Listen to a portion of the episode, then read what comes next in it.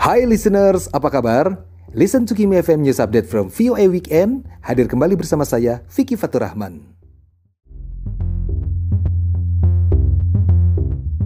Edisi Sabtu, 18 Juni 2022.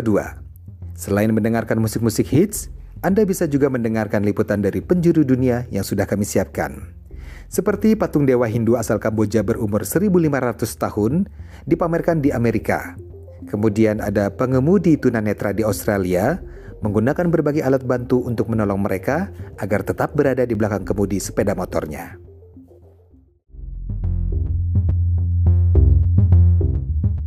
Berikut liputan lengkap Listen to Kim FM News Update from VOA Weekend dari studio di Washington DC, Amerika Serikat. VOA Washington siaran akhir pekan dari ibu kota Amerika, Washington DC. Selamat malam pendengar setia VOA. Senang sekali saya Le Johannes bisa kembali hadir untuk Anda Sabtu 18 Juni 2022. Tidak terasa ya, kita sudah melewati pertengahan bulan Juni. Apa nih rencana Anda di bulan Juni ini? Mungkin berlibur sejenak, apalagi sekarang lebih mudah untuk berpergian dengan berbagai moda transportasi. Yang penting, mempersiapkan dan melengkapi diri dengan dokumen kesehatan menurut persyaratan yang berlaku. Dalam siaran VOA Weekend kali ini, saya juga ditemani oleh Erna Wiasih sebagai produser yang sudah menyiapkan berbagai laporan menarik untuk menemani Anda berakhir pekan. Yuk kita mulai dengan laporan pertama program VOA Weekend kali ini tentang sebuah pameran di Museum Nasional Seni Asia Smithsonian yang menampilkan sebuah patung dewa Hindu yang diukirkan pada salah satu gunung di Kamboja sekitar tahun 600. Jurnalis VOA Cetra Chap melaporkan tentang pentingnya patung Hindu itu bagi Kamboja yang kini mayoritas penduduknya beragama Buddha. Hampir 1500 tahun lalu, sebuah patung monumental Dewa Krishna dalam agama Hindu diukirkan pada Gunung Suci Nomda di Kamboja Selatan. Baru-baru ini, patung itu dibawa ke Prancis, Belgia, dan Spanyol sebelum akhirnya tiba di Amerika Serikat. Kini, patung agung berjudul Krishna mengangkat Gunung Govardhan itu tengah ditampilkan dalam sebuah pameran di Museum Nasional Seni Asia di Smithsonian, Washington, D.C. Emma Stein, asisten kurator Smithsonian mengatakan, We actually know the original location of um, of the sculpture. It was in a cave temple. Kami sebenarnya tahu lokasi asli patung ini. Ia berada di dalam kuil gua sekitar setengah jalan ke atas gunung. Patung ini sengaja dipajang di lokasi tersebut. Pameran ini mencoba membawa lanskap asli dan seluruh budaya keagamaan dan sosiologi yang menciptakan mahakarya ini ke dalam ruang museum kami. Pameran berjudul Mengungkap Krishna, Perjalanan ke Gunung Suci Kamboja itu berfokus pada sang patung Krishna yang dipugar oleh staf Museum Seni Cleveland yang bekerja sama dengan Museum Nasional Kamboja. Sebelum abad ke-13, Kamboja yang kini merupakan negara berpenduduk mayoritas Buddha sempat menjadi kerajaan Hindu dengan berbagai bangunan dan patung Hindu patung Krishna mengangkat Gunung Govardhan sendiri mengilustrasikan Krishna kecil yang berusia 8 tahun mengangkat sebuah gunung dengan hanya satu jari untuk melindungi warga desa dan ternak mereka dari terjangan badai yang dikirim dewa hujan Indra yang tengah marah. Kembali Emma. This image of Krishna lifting the mountain that's in this floodplain in the Mekong Delta. Um, Gambaran Krishna yang mengangkat gunung ini berada di dataran banjir di delta Sungai Mekong, sebuah kawasan pertanian yang bergantung pada musim hujan. Gambaran banjir dan badai ini sangat kuat, sehingga dengan mengukir patung Krishna dalam posisi berdiri di dalam gua, seolah ia benar-benar mengangkat gunung akan menjadi lambang perlindungan yang sangat kuat dan menggema. Mayoritas komunitas Kamboja di seluruh dunia saat ini memeluk Buddha dan sebagian besar mahakarya Hindu kuno seperti Krishna dan kompleks kuil Angkor Wat sudah diadaptasi ke dalam praktik agama Buddha. Pameran tiga dimensi itu juga menampilkan karya dokumenter berdurasi 30 menit mengenai agama Buddha dan bagaimana situs-situs keagamaan kuno berperan penting dalam perjalanan keyakinan empat penyintas asal Kamboja yang melarikan diri dari rezim komunis Khmer Merah yang membunuh lebih dari 1,7 juta orang di akhir tahun 1970-an. Prachley, sineas dokumenter itu menuturkan, Well, I was, uh, yeah, and I was able to put together a short documentary film called Satu. Because you know, Saya berhasil membuat film dokumenter pendek berjudul Satuk. Karena ketika Anda pergi ke kuil, saat Anda berdoa, Anda selalu merapal Satuk, Satuk, Satuk, tiga kali. Long Ung, penulis terkemuka yang menulis buku First They Killed My Father, adalah satu dari keempat penyintas yang dikisahkan dalam film Satok. Ia membantu menceritakan lini masa visual pameran itu bersama aktris Hollywood Angelina Jolie. Ia mengatakan pameran itu merupakan kehormatan besar bagi Kamboja. I'm so happy to see people walking through the exhibit Saya sangat senang melihat orang-orang berjalan-jalan, melihat pameran ini dan menikmati kesenian, budaya, musik, dan pemandangan Khmer. Karena kami sebagai orang Khmer tahu betapa indahnya Kamboja. Pameran mengungkap Krishna perjalanan ke Gunung Suci Kamboja dapat dinikmati pengunjung secara gratis hingga 18 September 2022. Rifan Dwi Astono, VOA, Washington. Crowded hallways are the loneliest places for outcasts and rebels, or anyone who just dares to be different. And you've been trying for so long to find out where your place is, but in their narrow minds, there's no room for anyone who dares to do something different. Oh, but listen for a minute. Trust the one who's been where you are, wishing all it was was and stones. Those words cut deep, but they don't mean you're all alone, and you're not invisible. Hear me out. There's so much more to life than what you're feeling now. Someday you'll look back on all these days, and all this pain is gonna be invisible.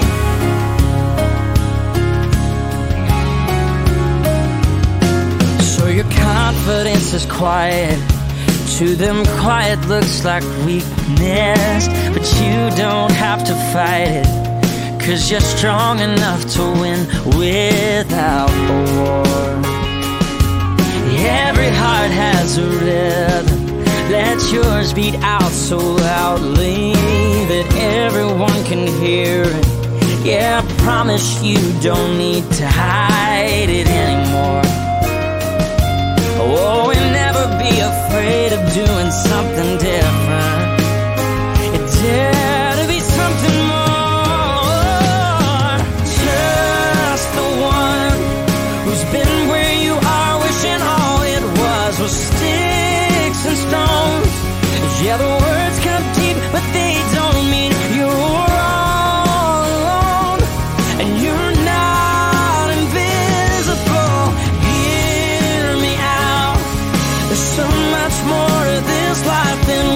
You're feeling now.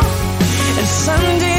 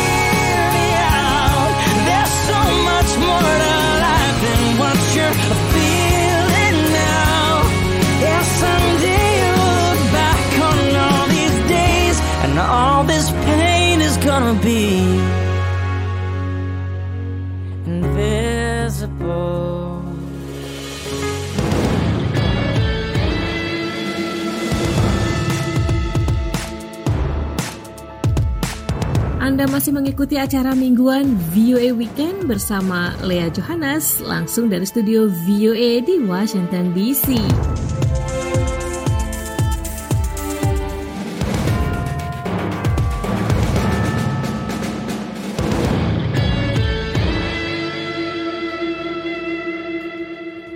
Kali ini kita beralih ke Australia di mana pengemudi tunanetra menggunakan berbagai alat bantu untuk menolong mereka berada di belakang kemudi sepeda motor mereka. Namun hanya sedikit yang berpikir untuk melangkah lebih jauh.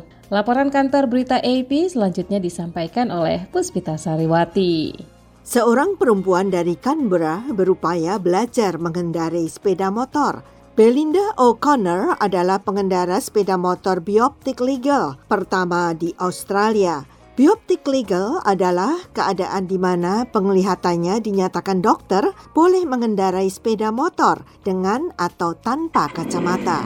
I've always wanted to learn to ride a motorcycle. Saya selalu ingin belajar mengendarai sepeda motor dan saya benar-benar berpikir bahwa saya bisa, katanya.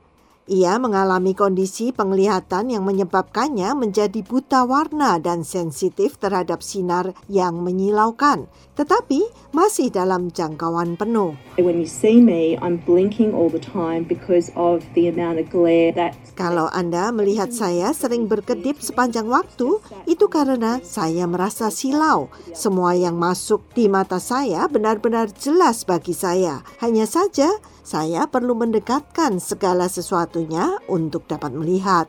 Untuk mengendarai sepeda motor, O'Connor menggunakan alat yang disebut bioptik yang membantu mengoreksi warna dan meningkatkan penglihatan jarak jauhnya. Ini dilengkapi dengan kacamata besar atau fit over berwarna merah yang menutupi sampai ke kening. What that allows to do is let me see things like the red brake lights, the indicator. Kacamata itu memungkinkan saya melihat hal-hal seperti lampu rem yang berwarna merah, lampu petunjuk, lampu lalu lintas yang merah, dan oranye melalui lensa saya yaitu lensa merah. Instruktur Steve Lake mengajarinya naik sepeda motor. Well, I had no idea that Belinda had any vision issues until she arrived. Ya, saya tidak tahu kalau Belinda mempunyai masalah penglihatan sampai dia pada pelajaran mengemudi dan saya harus mengatakan itu sedikit tantangan bagi saya. Setelah memulai pelajaran pertamanya, Lake dengan cepat menyadari bahwa ia tidak perlu mengubah caranya mengajar.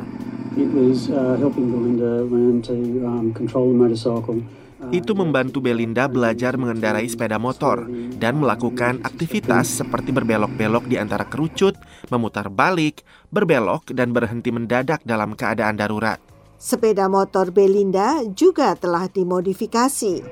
I can't actually see the dial speedo. I can see the dial moving, but I can't Saya tidak bisa benar-benar melihat kecepatan di speedometer. Saya bisa melihat jarum di speedometer itu bergerak, tetapi saya tidak bisa melihat di mana tepatnya jarum itu berhenti. Jadi yang saya lakukan adalah membuat bulatan-bulatan kecil dengan warna kontras pada berbagai kecepatan seperti 40, 60, 80, 100 katanya. Tantangan utama adalah mengatasi kekhawatiran pada para pengguna jalan lainnya. What if you fall off and have an accident and break your bioptic? You can't. You can't. Bagaimana jika Anda jatuh dan mengalami kecelakaan dan kacamata bioptik pecah? Anda tidak bisa mengemudi. Nah, masalahnya hampir sama bagi siapa saja yang harus memakai kacamata karena mereka tidak bisa berkendara tanpa kacamata. And I've found that anybody with any kind of conditions, they're actually very good at risk management. Dan saya mendapati bahwa siapa pun dengan kondisi apa pun, mereka sebenarnya sangat baik dalam manajemen resiko, karena secara alami mereka memahami bahwa kondisi mereka membuat mereka sedikit lebih sulit. Belinda adalah perintisnya dan orang lain sudah mengikuti jejaknya. Puspita Sariwati, VOA, Washington. I keep going to the river to pray, cause I need something that can wash out the pain. And I'm lost, I'm sleeping all these demons away. But your ghost, the ghost of you, it keeps me awake. My friends had you figured out. Yeah, there's so what's inside of you. You tried hiding another you, but your evil was coming watch every move I make. Bright light living in the shade. Your cold heart makes the spirit shake. I had to go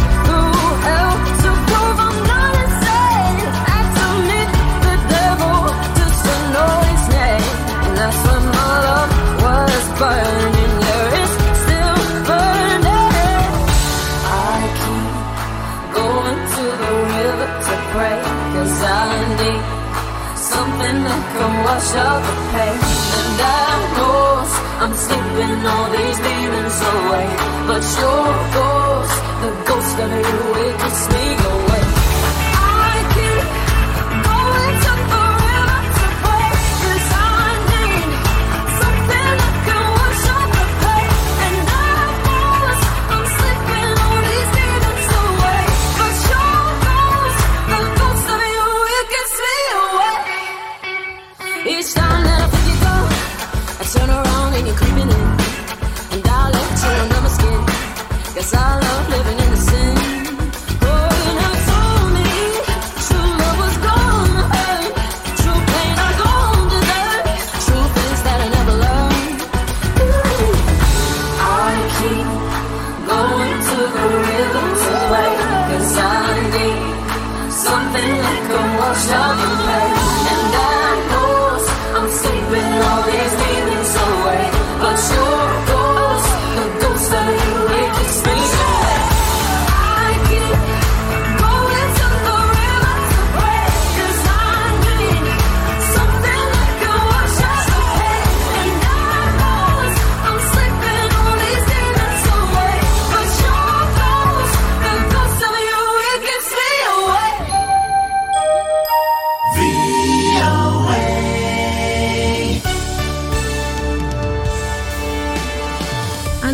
mengikuti acara mingguan VOA Weekend bersama Lea Johannes langsung dari studio VOA di Washington DC.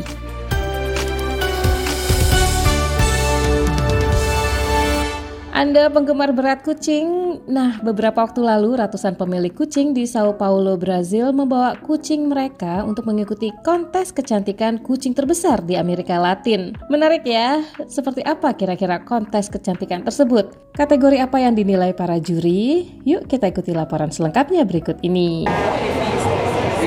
Kucing-kucing lucu dari berbagai ras melakukan aksi mereka dalam sebuah kontes kecantikan kucing yang memukau penonton di kota terbesar di Brasil itu.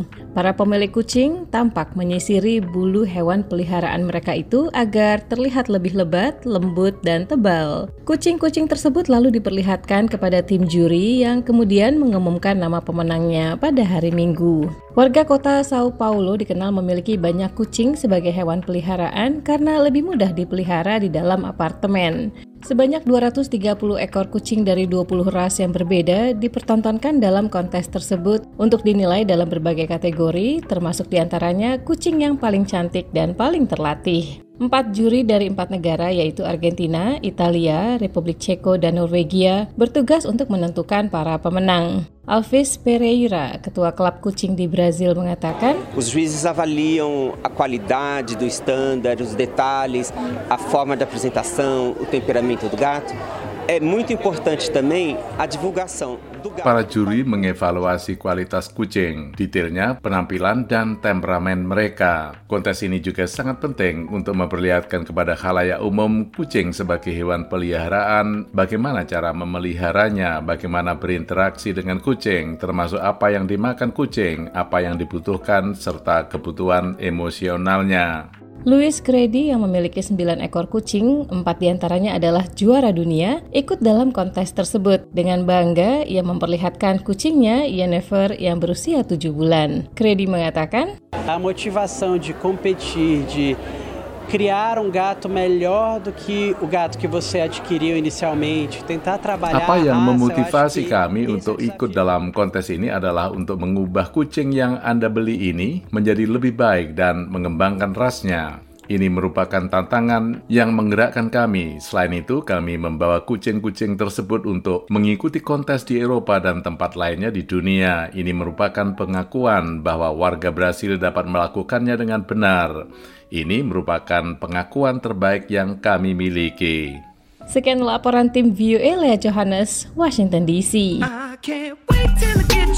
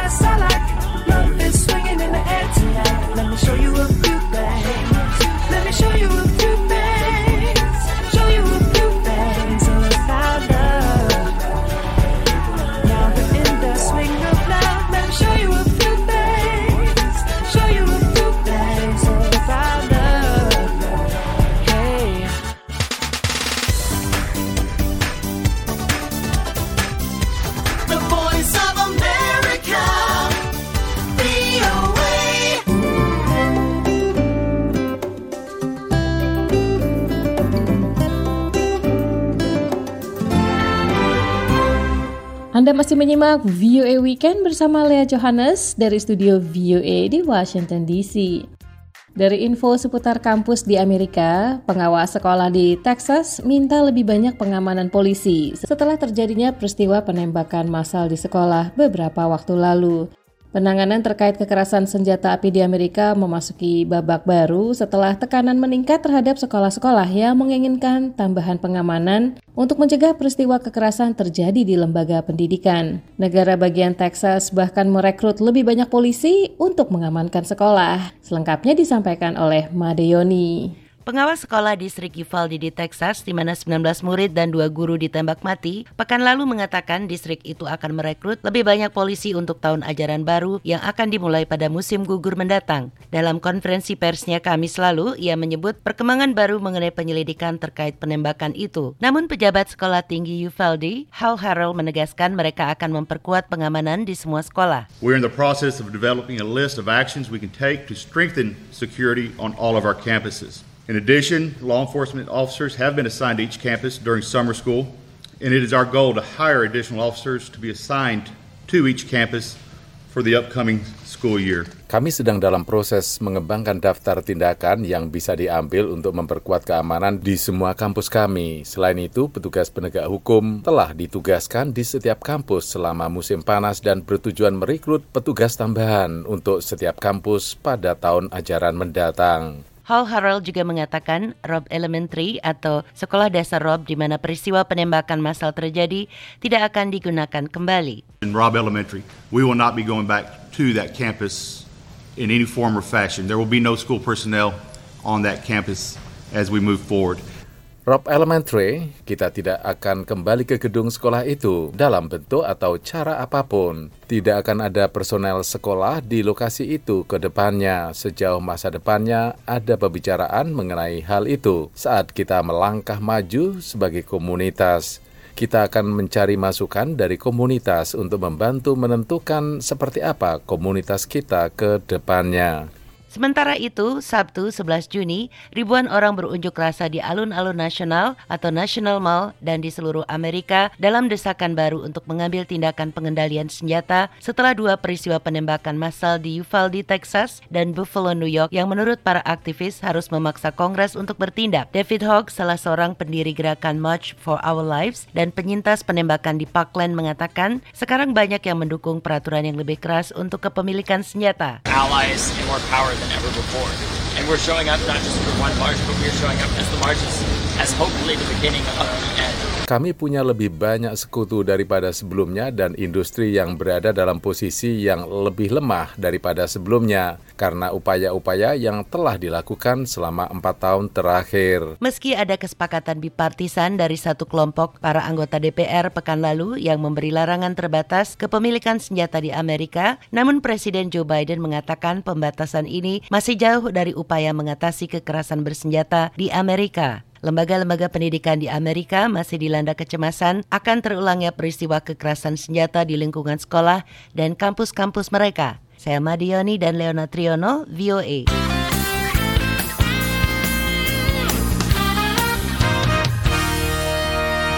Laporan tadi sekaligus mengantarkan kita pada penghujung siaran malam ini. Terima kasih atas kebersamaan dan atensi Anda.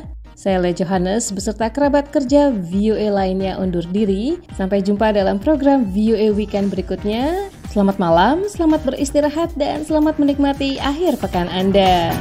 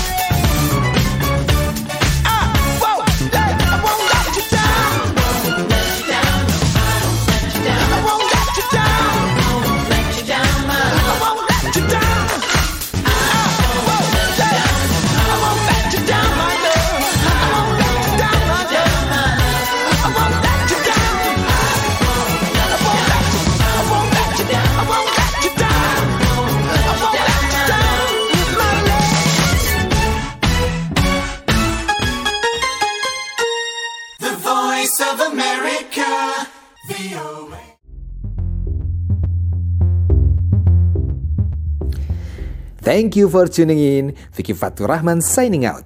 Kita ketemu lagi di Listen to Kim FM News Update from VOA Weekend berikutnya. Goodbye listeners. The voice of America.